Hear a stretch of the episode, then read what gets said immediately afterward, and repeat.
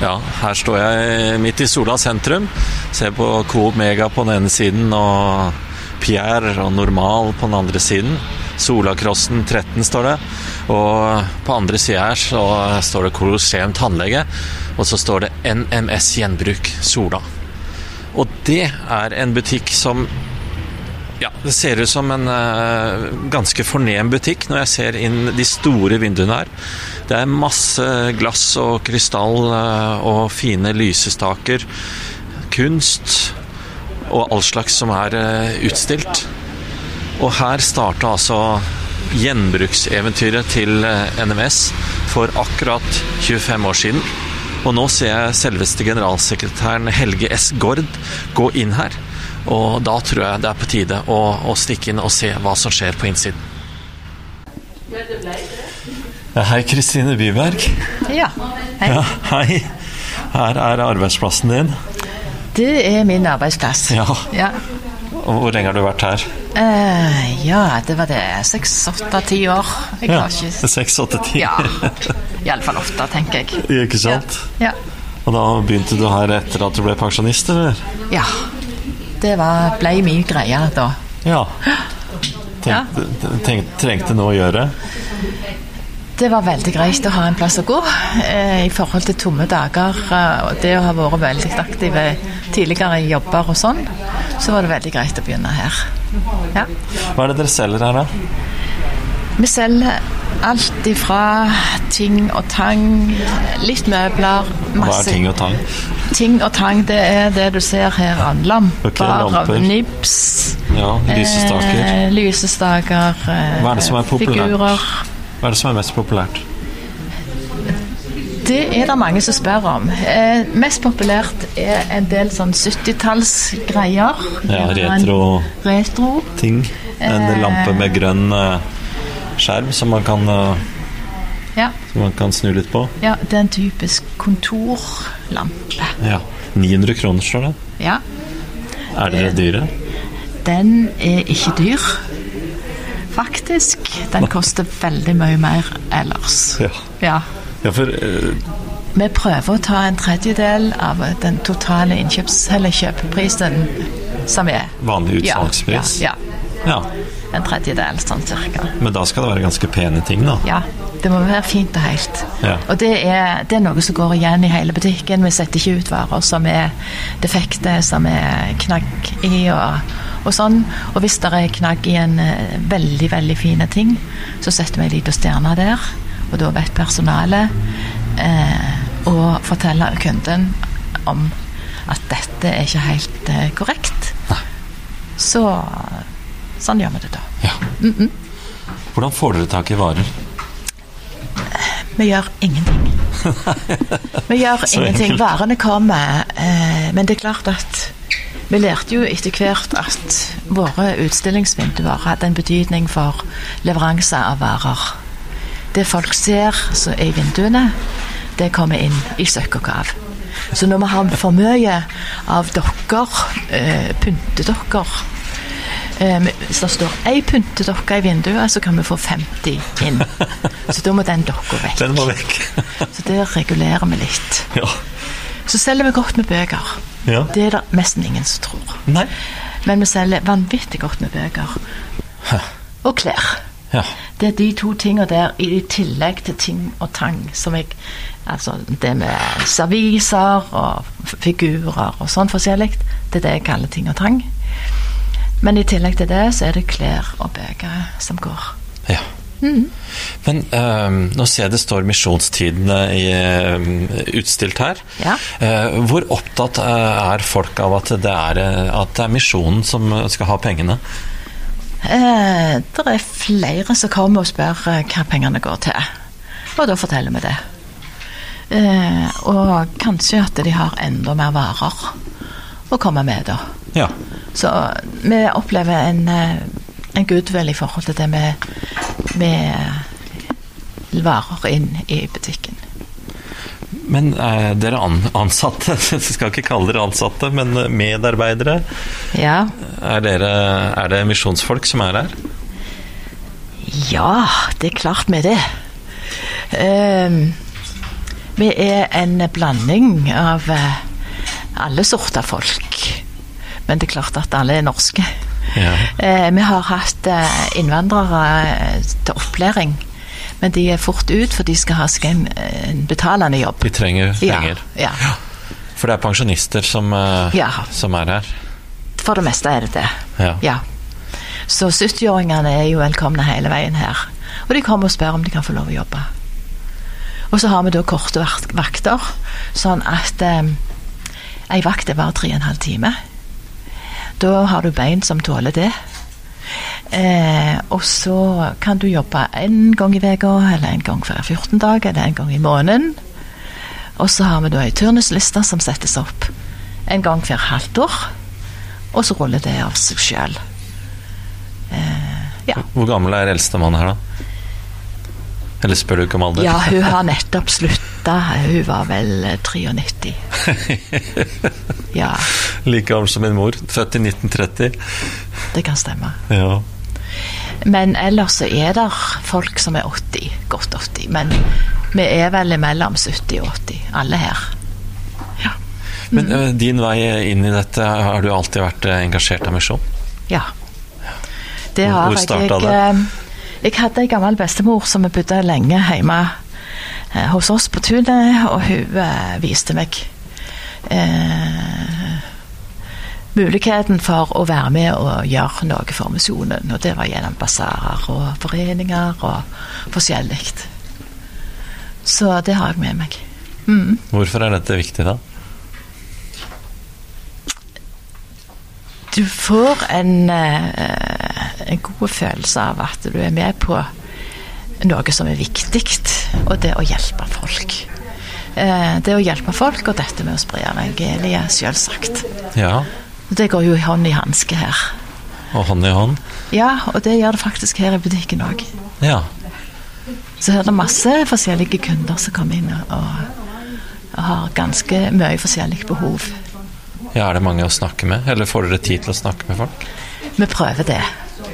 Eh, salget har jo økt sånn at eh, nå er vi tre eh, i betjeningen, eller betjeningen er tre stykker hele veien.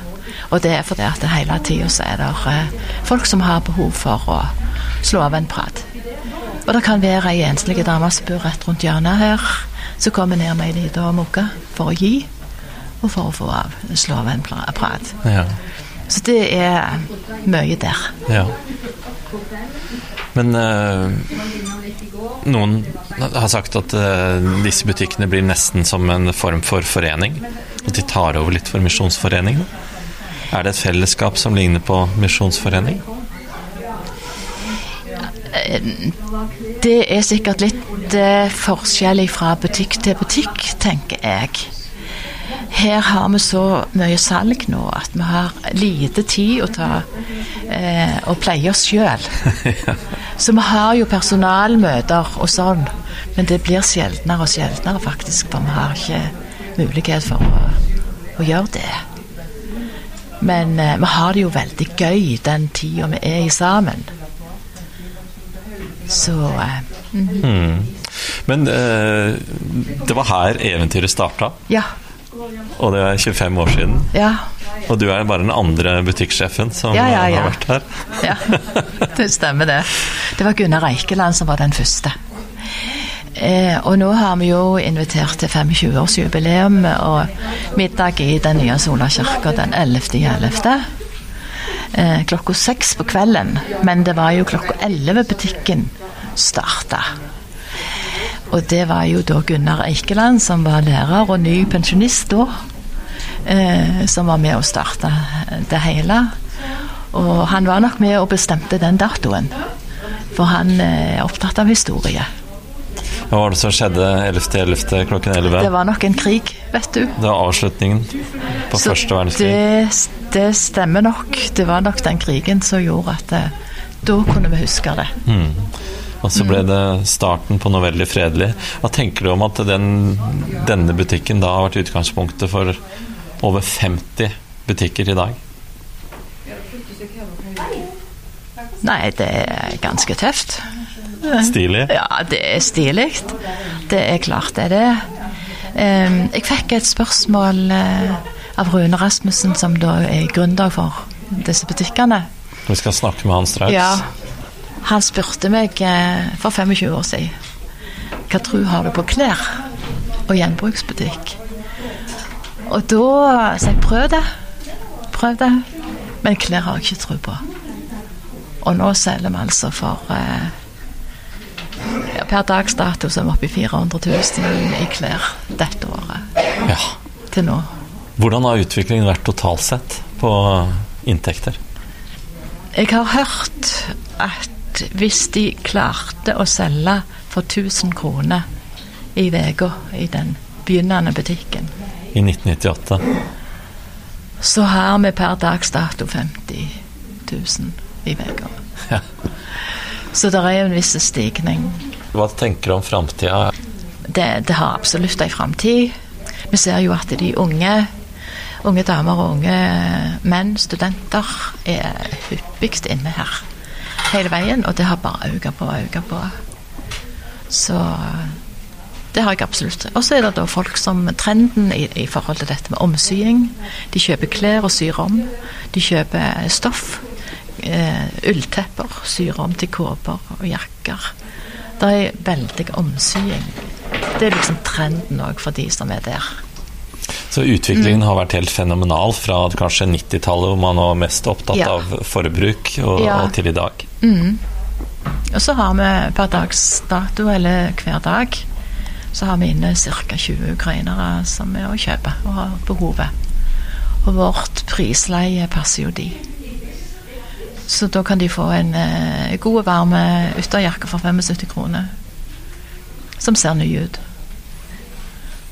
Ja, Hva tenker du om de pengene dere samler inn, kommer de til nytte? utvilsomt. Det har jeg sett. Vet du hvor de går hen?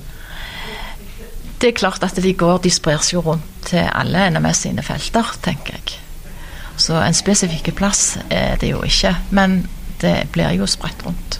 Går de til misjon, eller går de til bistand? Det tenker jeg er hånd i hanske, at det er begge deler. Kristine Byvær, gratulerer med dagen. Takk. Takk. Takk for det. Takk for praten. Ja, nå, nå har eh, kaka kommet på bordet her. Det er ikke verst. Siri Lindtveit, du, du henta denne kaka, du. Jeg gjorde det. Du har en liten historie om det. De var så enormt fornøyde med at de skulle gi kake til NMS Gjenbruk her borte på bakeren, for det var den beste butikken i hele Solakrossen. Det er ikke noe, det er ikke noe eh, dårlig skussmål, det. Absolutt ikke. Har du vært der mange ganger? I denne butikken? Ja. Jeg har jobbet på Sola tidligere, så her har jeg vært litt, ja. Hva syns du om butikken? Og det er knallfine butikk, det vil jeg si. Og så er det jo enormt kjekke de som jobber her. Hører dere det? Å ja, det liker vi veldig godt. Det er du som er ansvarlig for NMS gjenbruk sentralt. Eh, Hvordan går det med butikkene i Norge? Det går kjempebra. Det er, ja, over all forventning. Hva syns du om det som har skjedd i løpet av disse 25 årene? Nei, Jeg er bare så enormt imponert over den innsatsen som er lagt ned for å få til dette i alle de 52 butikkene og det lysstøperiet vi har på Knausen. Nei, Det er bare kjempeimponerende. Jeg vil jo tro at hele NMS er djupt takknemlige for det arbeidet som blir lagt ned. Ja, for Det er ikke noe selvfølge at det bygges opp en ny eh, Den ene butikken etter den andre i hele Norge. Det må det et engasjement til, tenker jeg. For uh, noen som har lyst til å drive butikk, og så ser det der med at de får utløp for sitt misjonsengasjement. Og så får de jo med seg så mye annet på, på kjøpet òg. I tillegg, for butikkene er jo mer enn bare butikkdrift. Ja, hva da? Du merker det jo når du kommer inn. Det er jo bare en sånn god stemning, godt fellesskap. Du blir tatt så enormt godt imot av de som jobber her. Og det er en litt annerledes butikk. Så det er både for kundene at de kjenner det litt annerledes, og det, det fellesskapet som butikkene har seg imellom, de som er med her, det er òg enormt viktig. Og så for noen er det jo det å få ut det miljøengasjementet som jo dette òg er. Jeg får brukt liksom eh, litt av det engasjementet òg inn, inn i en sånn butikk sånn som dette. Så det, dette her er mye bra, altså. ja, det er et kinderegg, nærmest. Ja, det vil jeg si. Hvor går pengene hen? De går til NMS sitt arbeid, og derfor har vi jo Helge Gård her, så han kan snakke mye om NMS. Ja, Helge Eskord. Har du vært her inne før? Jeg har kun sett uh, salgspapirene på bygningen før. ja, Det blir ikke det samme. Nei, det er ikke det. Og når du kom inn her, tenkte, eller når du kom utenfor, hva tenkte du? For en stor og flott butikk og ligger så sentralt. For jeg, jeg eh, hadde ikke fått med meg at han lå vegg i vegg med Megaen. Det burde jeg sikkert, men jeg, jeg bare fulgte Google jeg, og kjørte rett på. Men eh, Her starta det altså eventyret for 25 eh, år siden. For det er vel et eventyr, er det ikke det? Ja, det er et eventyr. Det, det er det. Eh, det har sikkert vært innom flere lokaler, eller har de vært her hele tida? Det vet ikke jeg. Men jo. Det har vært det er samme lokale, det er blitt større ja, underveis. Ja. Og så kjøpte dere det, har jeg skjønt? Ja, det har vi gjort. ja, det var lurt. Ja. ja. Men uh, for 25 år siden så var det altså her det starta opp. Uh, hva tenker du om at uh, dette er blitt en så stor og viktig del av NMS sine inntekter? Det er helt utrolig. Og jeg, jeg, jeg, har hørt også fra ledergrupper på den tida at noen hadde tro på det, noen hadde ikke. Ja. Rune Rasmussen hadde Han hadde tro på det. Og det var, var Rette som hadde tro på det, kanskje. For han, eh, han, han, han gir seg ikke hvis han har tro på noe. Eh, så, så, det var veldig bra. Kjetil Aano sier at han ble dratt baklengs inn i dette og, og, og legger seg helt flomflatt på det i dag. Da. ja. men, men det, det, er en helt utrolig historie. Mm. Og ikke minst de siste åra der det har skutt fart. Hvor viktig er disse inntektene for NMS eh, nå? De er utrolig viktige. Altså, for Antallet foreninger har jo gått noe ned.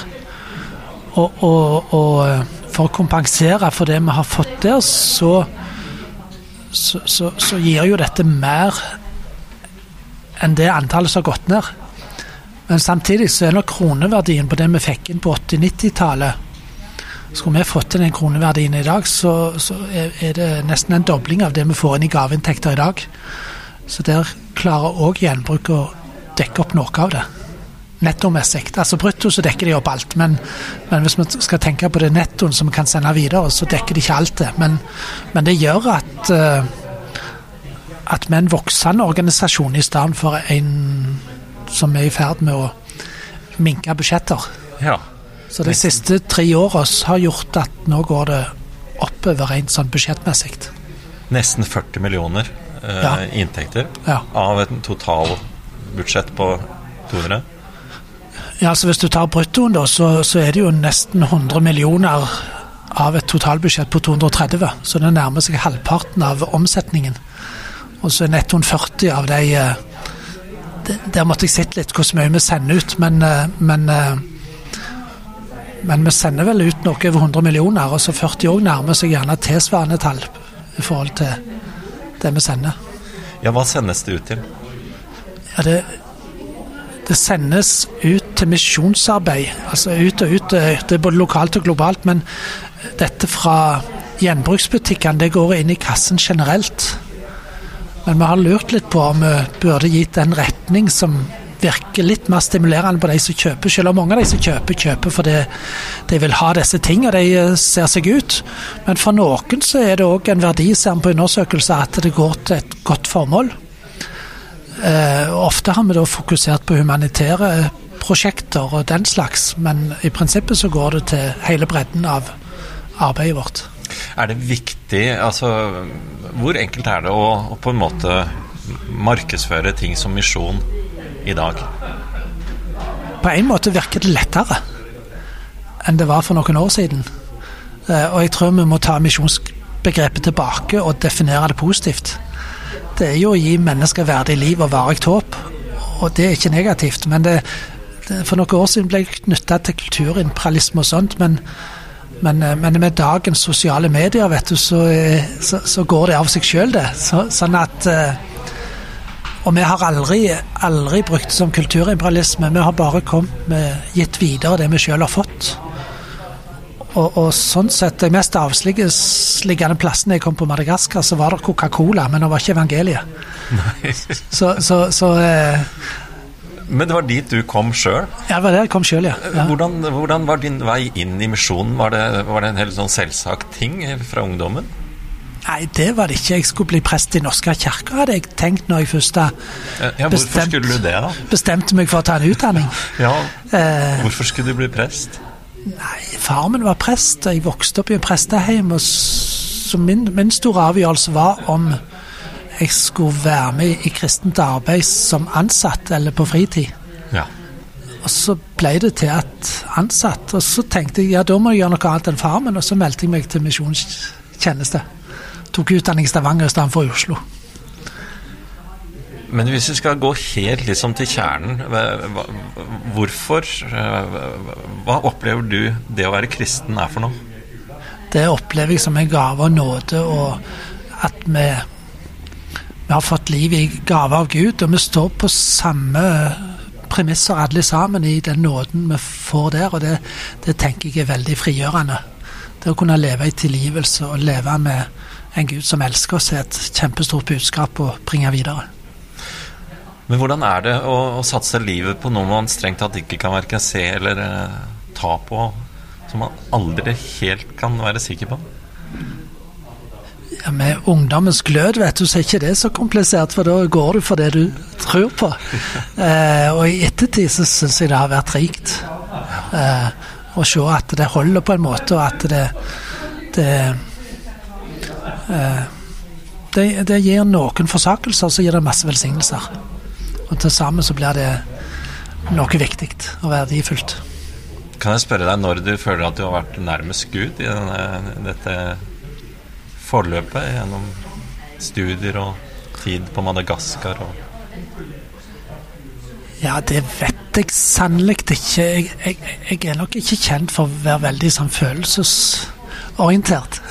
det, det, eh, for meg så går livet veldig mye på jevner, men der jeg kommer nærmest Gud, det er i fellesskap med andre, og det kan være i og Da må jeg nok tilstå det er mer menighetssanger på Madagaskar enn talene, for de forsto ikke alltid alt av. Men å kjenne det, det løftet i sangen der mange, mange folk synger sammen. Og litt sånt er det i Norge òg, selv om det er ikke så mange som synger på gudstjenester. Så er det liksom der jeg Altså, Engelskmennene kaller det for 'tin places'. og For meg er det fellesskap en sånn plass der du kommer nærmest ut. Hva opplever du at, at eh, misjon har betydd f.eks. på Madagaskar, der hvor du kjenner det godt? Ja, Den har forandra livet til mennesker. Eh, og vi ser at veldig mange av de som hadde et handikap eller hadde kom fra en etnisk gruppe som gjerne ikke ikke ble høyt ansett av andre, fikk en helt ny start i livet. Og så ble jo dette kombinert med et helhetlig uttrykk med helse, skole og sånt, så, så livsgrunnlaget forandra seg. Og for de som bodde ute på landet og levde tradisjonelt, så, så måtte de i grunnen samle det de hadde av midler til å feire de døde om igjen og om igjen med jevne mellomrom for at det skulle gå dem godt. Men når de da blir kjent med Jesus som den sterkeste, litt à la det som var i Norge eh, når kristendom kom til Norge, Jesus som det sterkeste, som Det er ingen, ingen krefter å frykte, og de trenger ikke frykte de døde heller. Så kunne de rett og slett begynne å prioritere utdanning på egne unger og eget liv framfor de døde. Og det er klart at det gjør en helt annen innstilling til livet. Nå står vi i en gjenbruksbutikk eh, på Sola. Hvordan ser du for deg framtida for dette? her? Tror du det kan vokse videre? Skal det vokse videre? Har dere budsjettert med at det vokser videre? Ja, det har vi budsjettert med iallfall neste år og enda et år til. Men, Hvor mange mange butikker per år skal det Nei, det vet vi ikke. For det, vi, vi, vi, starter ikke butikker uten det er en gruppe med frivillige som vil ta et ansvar. Og, og det å starte en butikk uten å ha frivillige er veldig tungt.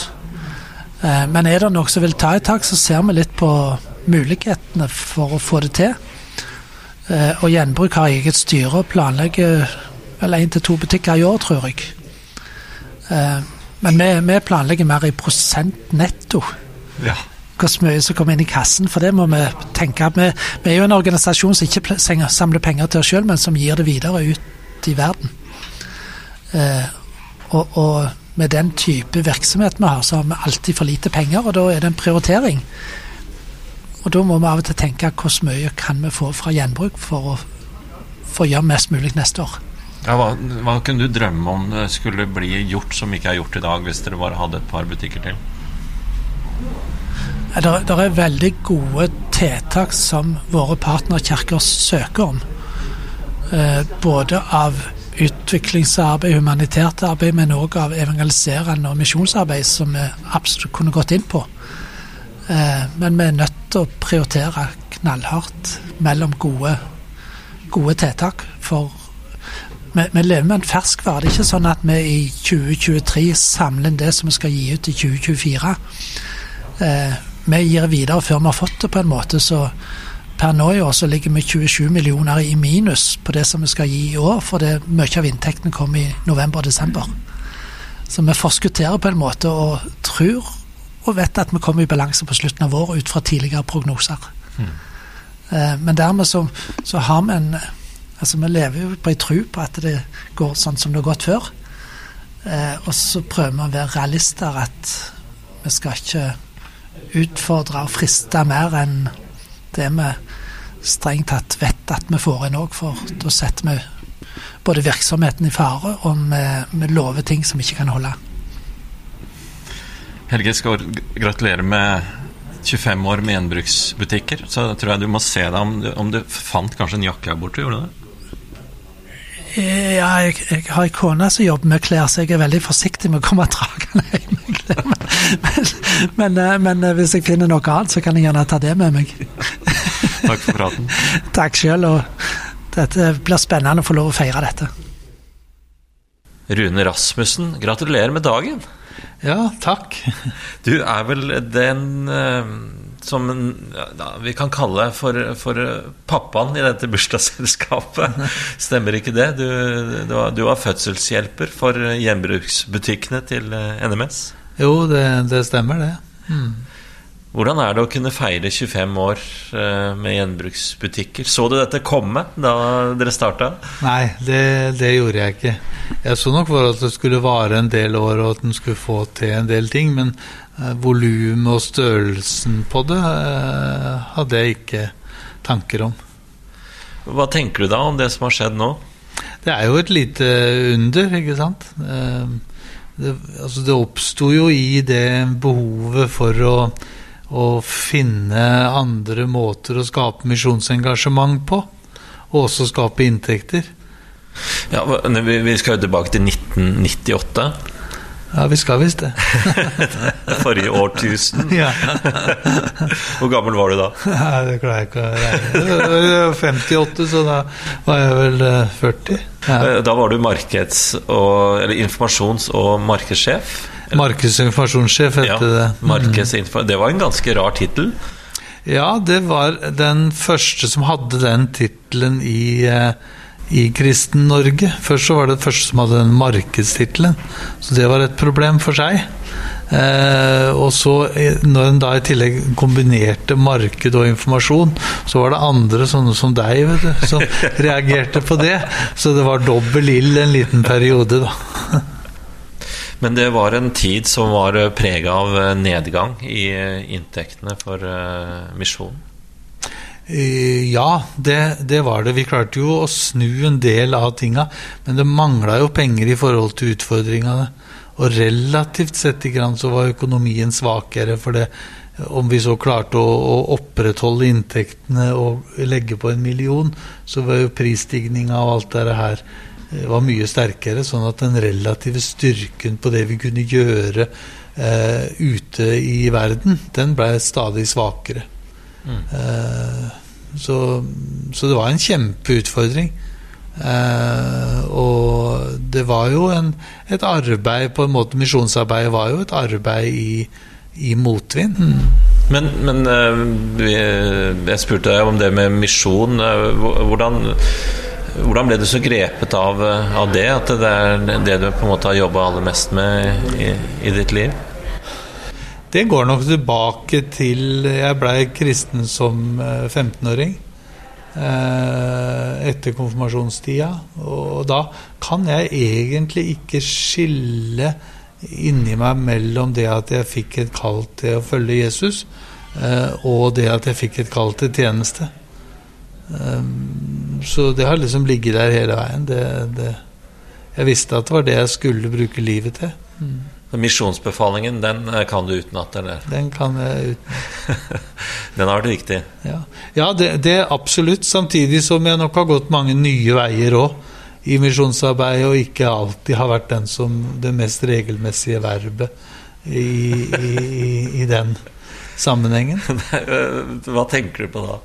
Hva er det du har, eh, Hvilke veier snakker du om? Nei, altså, jeg har vært opptatt av, av det som går på å kommunisere med mennesker. eh, Det å skape nye veier for misjon. Eh, Det siste som jeg har jobba med i, i misjon de seinere år, er jo denne aksjonen som heter Sammen som kirke i hele verden, som er menighetenes egen aksjon for å skape misjonsengasjement. Og, og jeg tenker nok i dag liksom, Hvem er det egentlig som har misjonsoppdraget? Er det, er det menigheten? Eller menighetene? Eller er det Misjonsselskapet? Og da for meg så ligger vekta at det er jo menighetene som har det misjonsoppdraget. Det er i menighetene vi har kalt det å, å gjennomføre det. Og NMS er egentlig mer et, eh, et hjelpemiddel for, å, for eh, menighetene. For å samordne og for å drive et profesjonelt arbeid ute. Men, dette, men sånn var jo ikke virkeligheten. Du trodde at, eh, at menighetene skulle på en måte finansiere NMS i mye større grad enn det som har skjedd? Ja, det stemmer. Jeg, jeg hadde nok ønska Det henger jo sammen med den aksjonen Sammen som kirke i hele verden. Så hadde jeg, jeg trodde jo helt sikkert at inntektene fra menighetene ville øke. Mye mer enn det de har gjort. De har jo vært veldig stabile, eh, men ikke gitt noen økning. Eh, Det betyr jo ofte, altså selv om engasjement og pengeinntak ikke er akkurat det samme, så betyr det nok i praksis at en ikke har klart å, å formidle den rikdommen som det ligger i å være en del av den internasjonale kirke, til lokale norske menigheter. Og forpliktelse, kanskje? Ja, og forpliktelse som ligger i det, men også inspirasjon ikke sant, fra den internasjonale kirke. Vi trenger jo Det er jo ikke her evangeliet går fram for tida, I, i, med stormskritt. Det er jo helt andre deler av verden. Men eh, kunne du finne på å si noe sånt som at uh, man er seg selv nok? At det er det som er problemet? Ja, det vet jeg ikke eh, om jeg ville uttrykke meg på den måten. Jeg tror det er mer eh, Altså, vi må Jeg ville gå heller mer til, til sprengkraften i selve evangeliet. Eh, Det er på en måte der utgangspunktet er. Så, så det er vår, vår oppfatning av det. Jeg hadde en veldig spennende episode i Kina en gang. Eh, Jeg var samme menighet langt ute på landsbygda tre ganger.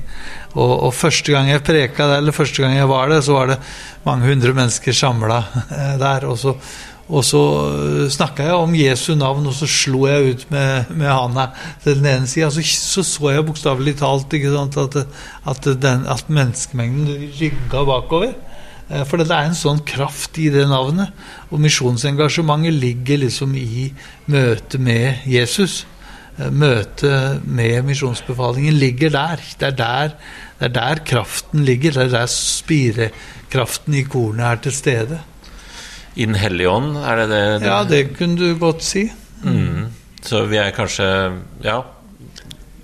Vi benytter oss ikke så godt av de kreftene. Nei, vi har, er, vi har mye mer, altså kraften i Jesu navn. Det er der på en måte forandringen skjer. I Den internasjonale kirke, og det er der forandringen skjer i eh, Den norske kirke. Hvordan tenker du at man skal eh, spre det budskapet, da? Det er jo dette man jobber med, egentlig. Ja, ja da. Og det er det jo Den hellige ånd som kan gjøre. Det er ikke Vi må, vi må jobbe og, og stå på med våre ting, men det er jo Den hellige ånd heldigvis som skaper tingene, og ikke vi. Mm. Men eh, da satt du der som markeds- og informasjonssjef. Og så fikk du beskjed om at eh, nå må vi kutte i misjonen der ute hvis ikke du skaffer mer penger. Jeg fikk et oppdrag på et landsstyremøte eh, om å eh, Hvor en diskuterte skal vi kutte eller skal vi øke inntektene. Så fant vi ut at vi ville prøve å heller øke inntektene istedenfor å kutte. Og fram til neste landsstyremøte ble jeg da bedt om å komme med forslag som kunne skape eh, to millioner kroner ekstra i misjonskassa der og da. Hvor mye var det i forhold til det markeds... eh, Det du samla inn eh, Nei, det, ellers? det, var, det var et relativt lite beløp, men det er alltid vanskelig å skape den, den veksten Den på toppen. For det var ille nok å holde, holde de budsjettene som var. Så det måtte noe nytt til. Det nytter ikke bare å si at vi skal få mer inn på fast givertjeneste eller mer inn på et eller annet. Det måtte komme noe nytt til. Mm. Og da hadde du kanskje noe i, i verktøykassa allerede? Da hadde jeg noe i armet. I ermet? Nei, jeg, jeg hadde Jeg hadde jobb Altså, jeg hadde Jeg var, var eh, med i et nordisk styre for Sats7 og, og hadde en god kamerat og venn som heter Kurt Johansen, som jobba i Sudanmisjon. Og vi hadde sammen med han studert hvordan dan, For dansk misjon har fått store inntekter fra gjenbruk. Og da hadde jeg studert hvordan Sudanmisjonen hadde bygd opp det, og vi hadde hatt eh, lange og endeløse samtaler om hvordan dette var bygd opp helt praktisk, lenge før dette landsstyremøtet. Og jeg hadde liksom forberedt tinga, men jeg hadde ikke sagt det til så mange enda. Så jeg, jeg hadde på en måte tenkt at det her er noe vi må prøve på. Og når det kom, da, så tenkte jeg det at eh, nei, det skal jeg fremme det for landsstyret, så må jeg være litt smart. Da kan jeg ikke komme med to forslag, for da vil de ta det andre og ikke gjenbruk. så, jeg, kom bare med det ene forslaget Ja. eh, om å starte gjenbruksbutikker. Og da sa landsstyrets formann den gangen etterpå at eh, noen år etterpå at eh, hadde du kommet med et annet forslag, så hadde vi tatt det. For det, det var bare fordi vi, ikke, vi hadde ikke noe annet, så tok vi det, så vi kun, følte ikke vi kunne si nei. ja, Men hvorfor var de så skeptiske? Det var i stor grad Debatten rundt det gikk i stor grad på Fretex monopolrolle i gjenbruksvirksomheten i, i Norge på den tida. Det var det som de var redd for å ta fra Frelsesarmeen og fra Fretex, og, komme inn på det samme markedet. Og ingen eh, på en måte torde eller våga det. Og det kunne vært dårlig eh, omdømmebygging, da, kanskje? Og, og, Ja, og- han kanskje snike seg inn på det sånn. Samtidig som jeg visste at erfaringen fra Danmark var jo sånn at der, der flere organisasjoner hadde sine butikker ved siden av hverandre, der økte jo omsetningen i samtlige butikker. Det var en fordel at det var flere gjenbruksbutikker ved siden av hverandre. Det er som skobutikkene i, i London. Er det Ja, ikke det? De ligger i samme gata? Ja, de ligger i samme gata, for da er folk ute etter det samme, og de går fra butikk til butikk. ikke sant? Så, så det er ikke sånn at det gjelder å tenke monopolistisk, men heller tenke at det er et stort marked der ute.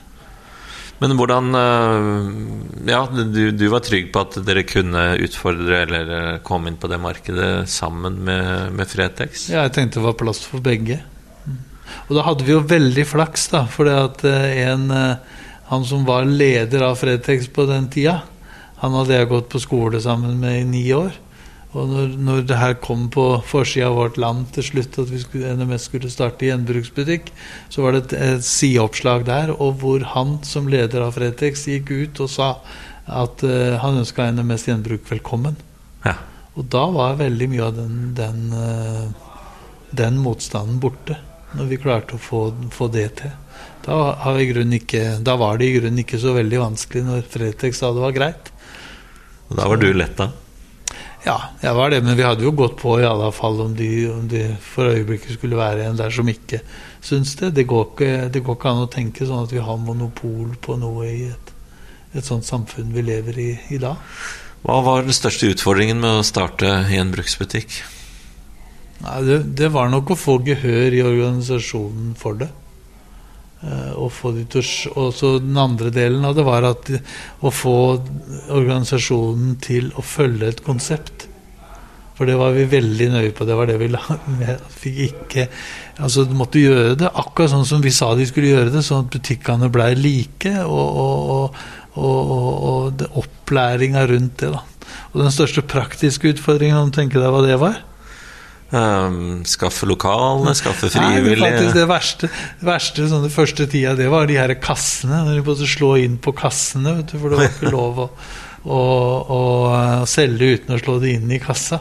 Og det var mange av eldre som var mer De hadde aldri vært borti ei kasse. det, Vi måtte ut og kjøpe brukte kasser og, og, rimelige kasser for å få dette her til å fungere i butikkene. Kassaapparatet. Kassaapparatet. Men du, altså Hvordan var det å prøve å snu NMS noen grader mot øst eller vest, eller hva man skal si, i, i denne tida? Det er jo en slags supertanker, dette? Ja, det, det, det, Altså i forhold til gjenbruk så gikk jo det ganske, ganske bra. Og, og, og, fint, egentlig. Det var fort når hun først så Vi var jo heldige med han eh, som var butikksjef på Sola først, som var en positiv mann og klarte å få folk med seg i lokalsamfunnet og sånn. Og så fikk, en, fikk, jeg en god ansatt eh, som, eh, som første gjenbrukskonsulenten. Eh, og det var jo bare én lenge ikke sant, som klarte å få starta nye butikker rundt forbi. Og så tok vi jo det samme konseptet med det her Knausen lysstøperi ganske fort. ikke sant, Så vi starta det lysstøperiet. Ja, Sendte folk til Danmark til opplæring der. Altså, Knausen lysstøperi det er jo det Det begynte på et annet sted enn der det ligger i dag. Men, men der var det jo folk som Vi samla sammen lysstolper så, sånn som de gjør en dag i dag, og støper lys og selger. Og det var, var en veldig lukrativ Og der hjelpe danskene våre. Så danskene stilte opp med opplæring og, og, hjelp for å få det her til.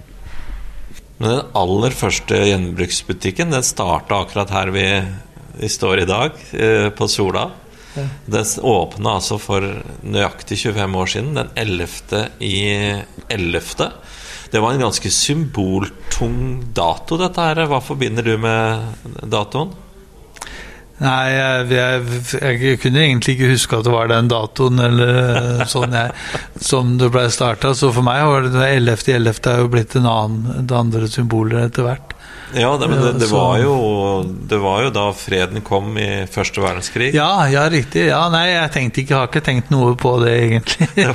I den det var tilfeldig? Det var tilfeldig at, at det blei sånn den dagen. Det var da vi var ferdige i den bygget til å starte. Ja, ikke sant? Og da var det et, et lite lokale på Sola den gangen, mye mindre enn det er i dag. Ja, det, det er det. På, det er mye mindre enn det som er på Sola i dag. Mm. Eh, men det var et stort, fint lokal, og det var, en, det var jo våge, et vågestykke, det, ikke sant? Å få det til. Mm. Det var husleie som skulle betales? Husleie måtte jo betale. Det, det. det, skulle i utgangspunktet være den eneste utgiften, ikke sant? Ja. Mm. Og, og, logoen som vi laga til det der, den står jo fortsatt. ja. Så 25 år etterpå så henger den samme logoen som vi fikk laga og konstruert. Det er kanskje ikke så lurt? Burde det? Nei, jeg, jeg, tror den har, gjør seg bra, men det har ikke jeg noe med i dag. Så det skal jeg ikke ha noen mening om. Hvordan var det å, å, å begynne å skaffe varer? Det gikk veldig, tror jeg gikk veldig greit. Mm. Det, var, det, er masse Folk er veldig glad for å få lov å gi fra seg ting og føle at de tinga de har til overs, kommer til nytte. Så, så det, det, tror jeg gikk veldig, veldig fint. Den hadde mye fine varer. Det, det, som, jeg, det som, jeg, ikke klarte av konseptet fra, fra Danmark, da, som, som, jeg ga opp, men som jeg tror de har begynt å få til nå, det var det at de, de, jeg fikk de ikke med på å selge klær. Eh, så de første butikkene åpna uten klær. Ja. Eh, og det tok god, en god stund før på en måte en skjønte at det lå mye penger i, i gjenbruk av klær. Selv om Fretex har vist vei? Ja, det, og det, det, kan jo være noe sammenheng der, og at den ikke ville gå i samme Det, det kan godt hende at det er rester av det samme som, som også dro inn, men, men, det var nok at den følte at eh, på den tida var det ikke så sjølsagt at den ville gå i andre menneskers klær. Nei. Eh, det er jo blitt veldig moderne i dag. Da. Ja. Hvordan var det å rekruttere da mannskap til denne nye butikken? Det blei jo gjort lokalt.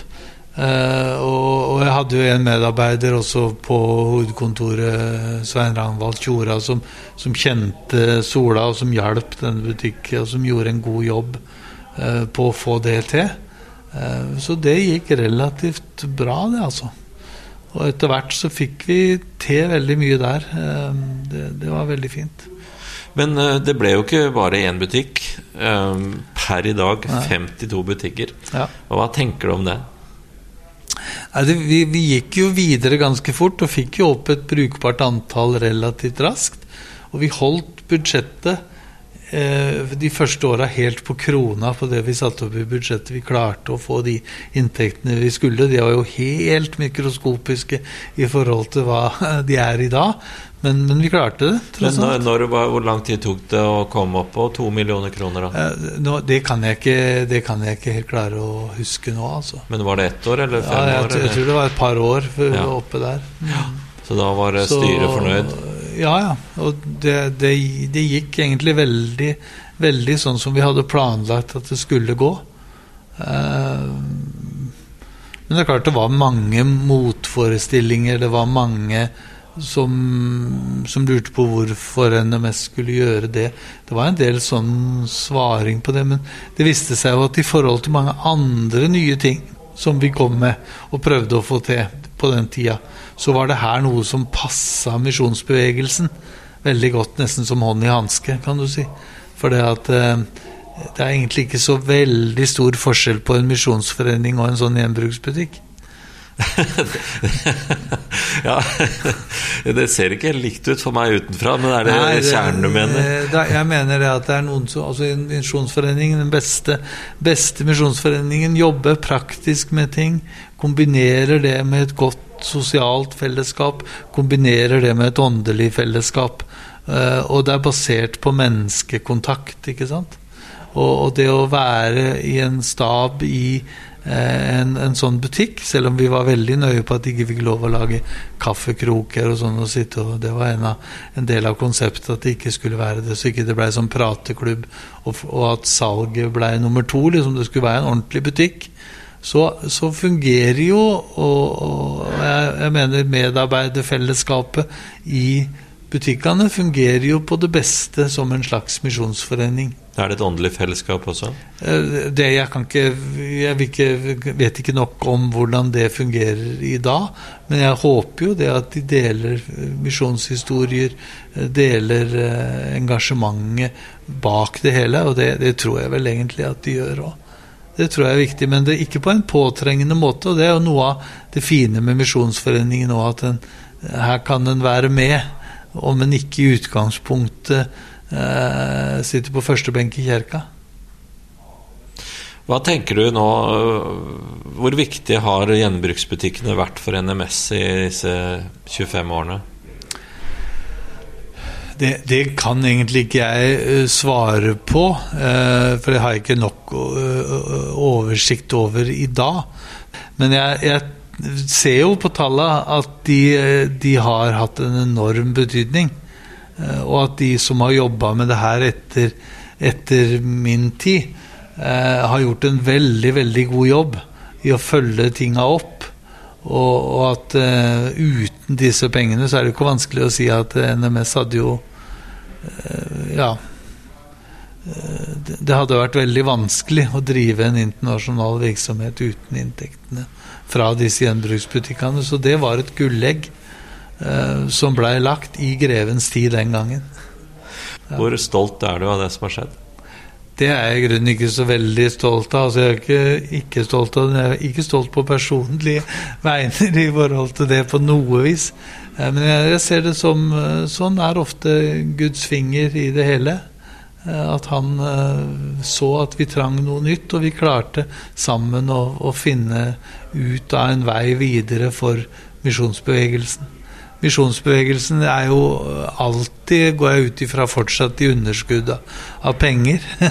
For det oppdraget er så stort, ikke sant. Eh, og engasjementet som, som det oppdraget skulle avstedkomme, er så fantastisk. Altså budskapet er så stort at det vil jo aldri være nok penger eh, til å gjennomføre det. Og heller ikke nok hender til å ta del i det oppdraget. Men, men det får vi lov å være med i på forskjellige vis, da. Vi står sammen som kirke i hele verden, på en måte. ikke sant? Eh, fortsatt som den menighetsaksjonen som vi holder på med nå, og prøver å dra, dra i gang videre, eh, jobber jeg med. Rune Rasmussen, tusen takk for at eh, du var med i dag. Flott. Takk.